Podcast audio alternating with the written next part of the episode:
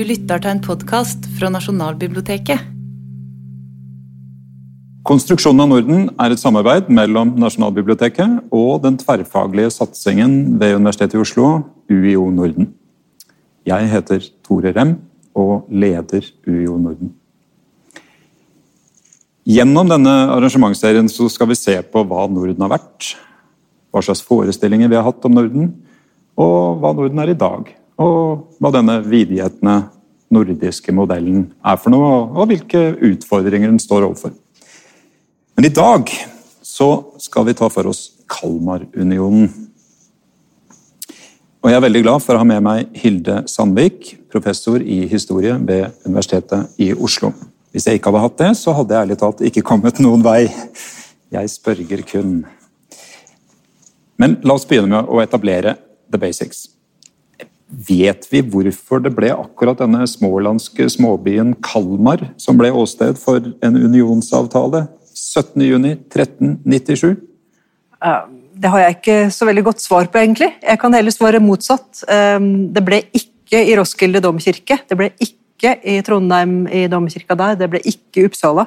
Altså Man valgte på en måte ingen av de andre sånn store hovedkirkene eller hovedstedene, men man valgte et slott i Kalmar og det ligger da både dansk og svensk hadde adgang til. Så på et vis kanskje et slags diplomatisk grep. Ja. ja. Um, for meg så gir Kalmarunionen gode assosiasjoner. Altså, det, er som om dette er et gyllent øyeblikk i Nordens historie. Men det kan jo være at jeg har et romantisert syn på hva dette var for noe. Eller for å ja, Kanskje man kunne spørre hvor tror du jeg har det fra? Hvem er det som har formet, i stor grad har formet våre oppfatninger av Kalmarunionen?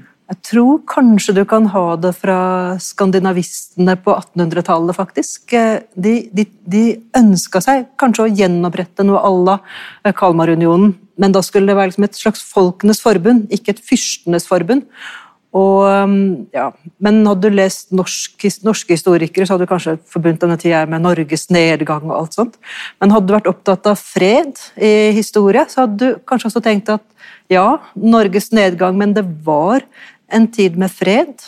Uh, kanskje du ville ha forbundet det med, med fred, og det å lage fred og kunne gjøre ting som politisk håndverk, og at du hadde syntes det var fint. Så det kan være mange grunner for deg til at du har tenkt noe fint om Kalmarunionen? Godt, godt. Da er det, da er det begrunnet. Um, vi skal tilbake til det med fred og sikkert flere av de andre tingene du nevner. Men vi må vite litt om denne dronning Margrethe først. Altså, eh, hvem var hun? Altså, da hun ble valgt til norsk riksstyrer, så fikk hun den fine tittelen 'mektig frue og husbond'. Det liker jeg ganske godt. Eh, men, men hvem var hun? Hun er blitt kalt dronningen som forandret historien. Og hvordan kom man, hvordan blir man en sånn person? Hun var dansk eh, kongedatter, datter av Valdemar Atterdag, han som klarte å reise Danmark opp igjen fra at hele Danmark var pantsatt til holsteinerne. Ti år gammel blir hun uh, gift med Håkon, konge i Norge. Og um, 17 år gammel blir hun mor til Olav, sønnen. Og og hun er, har ikke noen sentral plass i den danske arverekken, men både storebroren hennes Kristoffer og faren dør, slik at uh, sønnen Olav får faktisk Eller hun klarer å få han gjort, sammen med mannen sin Håkon, da, til, uh, til dansk uh, tronarving. Ja. Og så er det det store at hun klarer da å, å også fordi at mannen hennes, Håkon, er død så må hun, og Olav er mindreårig, så får hun også Det norske riksrådet til å utnevne seg til denne flotte tittelen. Og så er det at hun fra mannen sin har liksom et arvekrav, og Olav har et arvekrav på Sverige gjennom Folkungetten. For på trona i Sverige så sitter det nå en tysker, som de kaller det. Det er ikke helt sikkert man kan kalle han tysker, men likevel. Og, han, eh, og, Derfor så klarer hun å få med seg stormennene også til å gå til krig mot han, mot Albrecht av Mecklenburg. Og så klarer hun å også vinne Sverige for sin søsterdattersønn Erik. fordi at det fryktelige er at 17 år gammel så dør Olav. Mm. Og Da må hun finne en erstatter, og det er vel også en del av hennes kløkt at hun faktisk klarer å få eh, eh finne en som kan da være tronarving. For Man lurer jo på hvordan en kvinne kunne spille en så viktig politisk rolle i den tida.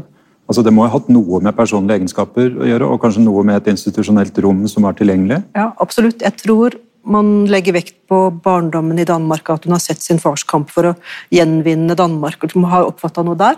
Og så er hun oppdratt i Vadstena-klosteret, som da er et av de mektige kulturstedene i, i Norden, eller ved hjelp av søstre derfra. Så hun har fått en skolering i, nordiske stormenn, deres interesser, eh, politisk kløkt. Så man kan tenke at politisk kunnskap kan komme fra mange steder. Og så har hun opplevd å være fattig dronning i Norge, hvor det nesten ikke er mat å få når hun er dronning på, på Akershus. Da. Regner gjennom tak, og tyske kjøpmenn i byen vil ikke gi henne mat. og sånn. Margrethe var likevel åpenbart ikke den eneste aktøren i det maktspillet hvilke parter var det som inngikk i dette her? Um, altså, handlet det som, som, det ofte gjør om en ytre fiende? Ja. Eller var det mer komplisert? Uh, det er mer komplisert, men det handler også om en ytre fiende. Det hadde bygd seg opp uh, en sterk holsteinsk adel i, altså i sør i, for Danmark, som uh, hele tiden hadde pretensjoner. Ville prøve å Det hadde, var en sterk Hansa den, de hadde sluttet seg sammen i tyske byer, hadde slutta seg sammen i et stort forbund, som også Baltikum og utover. Så det er litt å være verna mot dem. Um, så det er, det er en form for ytre makt som man gjerne ville stå sterkt eh, samla om. Og så var det utmattende kriger mellom nordiske land, som stormenn dels kunne ha interesse av, men ikke alltid. Og riksrådene i de forskjellige landene, altså det var riksråd, som hadde vært kongenes råd før, de, eh, de, eh, de ønska nok også på denne tiden her å få til et slikt forbund. ja. Men det er ulike interesser der, og ulike, ulik grad av interesse hvor hva slags type union man har lyst på, så klart. I denne serien arrangementer, eh, konstruksjonen av Norden, så skal vi også høre om de nordiske krigene. Men her er det altså snakk om noe atskillig bedre, om fred. Hvordan, du, du har antydet det, men altså, hvordan var fred mulig? Hvor lenge varte denne freden? For, altså, det, man tenker seg, altså, er freden er det et lite unntak i et langt strekk av historien her? Eh, et unntak som bekrefter regelen om krig? Altså, hun, hun må jo gå til krig, f.eks. For, for å vinne for å vinne Sverige. Så hun bruker også krig som maktmiddel selv. Men fra 1397, altså når Kalmarunionen kommer i stand, så er det stort sett fred mellom de nordiske landene. Fram til, kan man si, når ja, øh, det er litt forskjellig. Altså, Sverige vil alltid ønske å bryte ut, og det er kriger mellom øh, de nordiske landene fra andre halvdel av 1400-tallet. Og unionen den eh, brister eh, flere tidspunkt utover på 1400-tallet. Først ved eh, Engelbrekt Engelbrektsson, som gjør opprør i Sverige i 1434. Og, og så ja, noen flere brudd som kommer fra svensk side. hvor det endelig ender med Stockholms blodbad i 1520. Men, eh, og da er det også slutt. altså Når Vasaætten etablerer seg som kongedynasti i Sverige, så da er det ikke noe nordiske samarbeid mer. Men, men fram til da så er det vekselsvis at de prøver seg med slike kongefellesskap. Men man kan si at det er såpass eh, eh, Det, er gnisninger også, fordi at det dreier seg jo om hva slags makt kongen utøver, og, eller dronninga utøver. Og hvis dronninga gjør mot det som riksrådene egentlig ønsker, og plasserer sine folk på slottene rundt omkring, eller i de mektigste lenene, så kommer man gjerne i interessekonflikt med det, det aristokratiet da, i det ene landet. Ja, for, for, Det er jeg litt nysgjerrig på, for nå har vi snakket om Margrethe, om uh, Erik og om Olav. Og, men, men, hva slags makt hadde adelen? Altså, jeg vet at man pleier å skille mellom bakgrunnen for det brevet som erklærte at Erik ble kronet til konge, og um, selve unionsbrevet. Kan du si litt om det? Mm.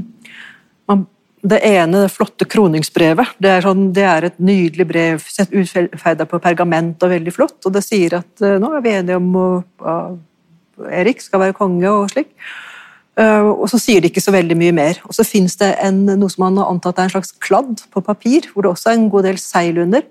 Men det beskriver mye mer en form for styre hvor riksrådene skal ha suverenitet.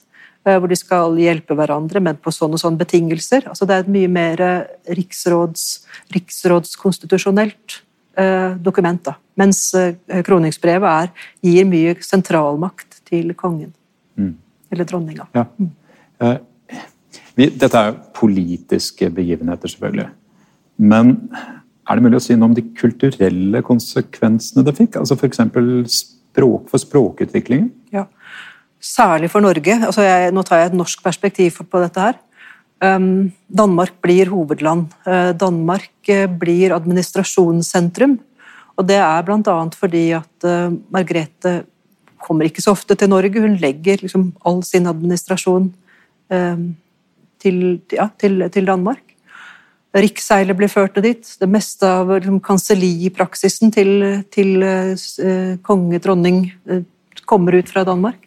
Og Det betyr at du får ikke sånt administrasjonssentrum, som man kanskje kunne tenke seg hadde vært normerende.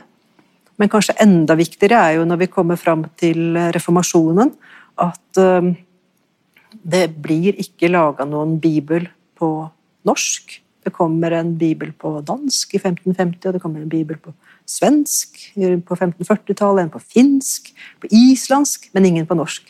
Slik at eh, det at det ikke er et administrasjonssentrum, at eh, det blir flytta til Danmark, det er ganske interessant. Og så kan man jo spørre jo, jo, men det var jo kirka var, var kanskje den sterkeste makta i Norge likevel. Um, så, og der er det jo en form for administrasjon, uh, og det er sant. Men der går det jo også en del på latin og slik. Men man kunne tenkt seg at hvis det hadde vært administrasjonssentrum knytta til kirkene, så ville man kunne hatt en eh, eh, ja, Bevart et norsk språk i større grad. Mm. Da er vi litt inne på det med altså, symmetrien mellom disse tre nasjonene. Da, eh, da antyder du at, at tyngdepunktet lå i København, eller i Danmark? Og hva slags rolle spilte Norge? da? Var det bare en kasteball i, i dette? Norge var viktig strategisk, helt opplagt. Altså, Margrethe instruerer Erik. Altså, man må jo si at Erik ble valgt til konge, men det er Margrethe som styrer. Ja, til hun dør i 1412. Men, eh, ja, men eh, hun instruerer han, og da dreier det seg om liksom, det å passe på avtalene med Hansan. Eh, veldig viktig med tilførselen av de rike, fra de rike norske fiskeriene, altså tørrfisken. Så absolutt, altså det å besette, kunne besette um, hvem som blir biskop, erkebiskop, det ligger i hennes hånd. Så det gjelder altså, strategisk, politisk, absolutt. Men ikke, ikke, slik at det er noe hovedland i det hele tatt. Og uh, det er vel heller slik at en del uh, sterke danske adelsmenn gifter seg inn i norske adelsslekter, skaffer seg dermed 300-400 gårder store gods. Altså, Krummedike slekta er et eksempel på det. Senere Vincents Lunge. Ja, alle disse. Rosenkrantz. Mm. Vi var innom adelen, altså, men eh, altså når, vi, når jeg tenker på den perioden, så tenker man vel ofte at ok, da skapes det altså en følelse av nordisk tilhørighet og en eller annen form for samforståelse. Men eh, det gjelder det alle klasser, det er jo et ledende spørsmål. Eh, det, det, jeg regner med at det har større betydning for den klassen du nå har vært inne, mm. altså adelsklassen, enn, en for andre klasser. Ja. Det, historikere pleier å forklare den, eh, det som skjer med disse eh, ekteskapene eh, på kryss og tvers av landegrensene, som en viktig grunnlag for at adelen får, eller aristokratiet, da, får interesser i alle land. Og det blir veldig viktig for valgene de gjør også. Og det blir viktig for rollen som hvordan riksrådene handler når det kommer til tidspunkt hvor de faktisk kan velge. Mm. Så, ja, så det gjelder, også svenske, gjelder det svenske familier inn ja, ja. i Norge også? Ja, for Ellers så tenker man seg ofte mm. at det dansk-norske er Det, det, det kjente Alf Knutson-opprøret som, som, er. Han, han kommer fra, fra, den slekta og er, har, som på begge sider, den rikeste i Norge på 1500-tallet. Uh, Gjørvel Fadersdatter. Hun eide 600 gårder i Norge, men hadde sitt mest, mest av sitt gods nedover i Sverige og i Skåne, som da var dansk.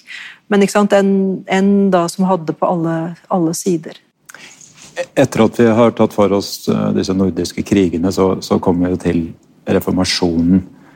Er det mulig å se noen forbindelser fra Kalmarunionen, eh, konsekvenser av den når det gjelder reformasjonen mm. også? Det er det. Um, vel, altså, en av grunnene til at reformasjonen kommer til Danmark-Norge, det er jo at Kristian um, 3 som blir konge her, han er også hertug av, av Holstein og Slesvig og er til stede i, på riksdagen i Worms og hører Luther stå der og si at uh, 'jeg står her og kan ikke annet', og troen alene, og blir grepet av Luthers kraft. og og overbeviste lutheraner, men samtidig antagelig også har sans for den makten som eh, protestantismen gir en konge ved å ta makten over kirkegods og bli overhode for kirka. Og, det, og der kan man jo si at det at Danmark øh, ikke er blitt en holsteinsk øh, fyrstedømme, som det kunne blitt hvis ikke Voldmar Atterdag hadde holdt Men at det faktisk er en dansk-norsk konge som da øh, tar det valget, det er også interessant. da. Mm. Men Sverige blir jo også grepet av reformasjonen, men gjennomfører det på en helt annen måte igjen eh, med under Gustav Vasa. Jeg tror vi skal runde av, men vi begynte med å snakke litt om skandinavismen. Eh, og hvor jeg hadde fått mine forestillinger fra. Eh, den skal vi også tilbake til i denne arrangementsserien. Men er det mulig sånn avslutningsvis å, å si noe mer om konsekvensene av Kalmarunionen? Altså, virk, om, om, virkningshistorien. Det, er jo sånn man tenker, ok, Var den bare et uttrykk for et vilkårlig maktspill som førte til stabilitet i en kort periode av nordisk historie? Eller var den, eller i hvert fall ble den også uttrykk for en idé? Den er jo en idé om at det går an å gjøre slike ting med politiske, som politisk håndverk og lage unioner. Og unioner er det veldig mange av på den tida. Altså, tenk på England, Skottland, tenk på Spania, Ferdinand og Isabel, tenk på Polen, Litauen altså Det er masse slike unioner. Så politisk håndverk via dynastier som gifter seg sammen. Absolutt. Um, og så er det vel tanke om at du kan lage fred og ha en felles uh, altså sterkere forsvar mot ytre. Men så er det vel også den politiske lærdommen som ligger i det at ubalanse mellom landene er en slik uh, ja, det, er, det, er, det, er, på en måte den svakheten unionene har at det kan bli misnøye, og det kan bli så sterk misnøye at man sier opp sin troskap, slik som svenske stormenn gjorde til Kristian 2. Og man kan som konge eller dronning bli frista til å bruke for sterke maktmidler mot elitene i de forskjellige landene. Og skattebyrdene som man kan legge på folk, kan bli altfor tunge når man skal drive krig mot de ytre fiendene. Som, for det må vi jo si, altså Under Kalmar Union så var det også krig mot ytre fiender, sånn som mot Holstein. Så noen generelle ting av den art du antyder, er det mulig å lære av også når, den, når Nordisk ministerråd nå vil gjøre Norden til den mest integrerte regionen i verden. Ja, og da tror jeg de skal lytte til norske og finske og islandske erfaringer med det å ikke være hovedland i unioner. Tusen takk for samtalen, Hilde Sandvik. Thank you.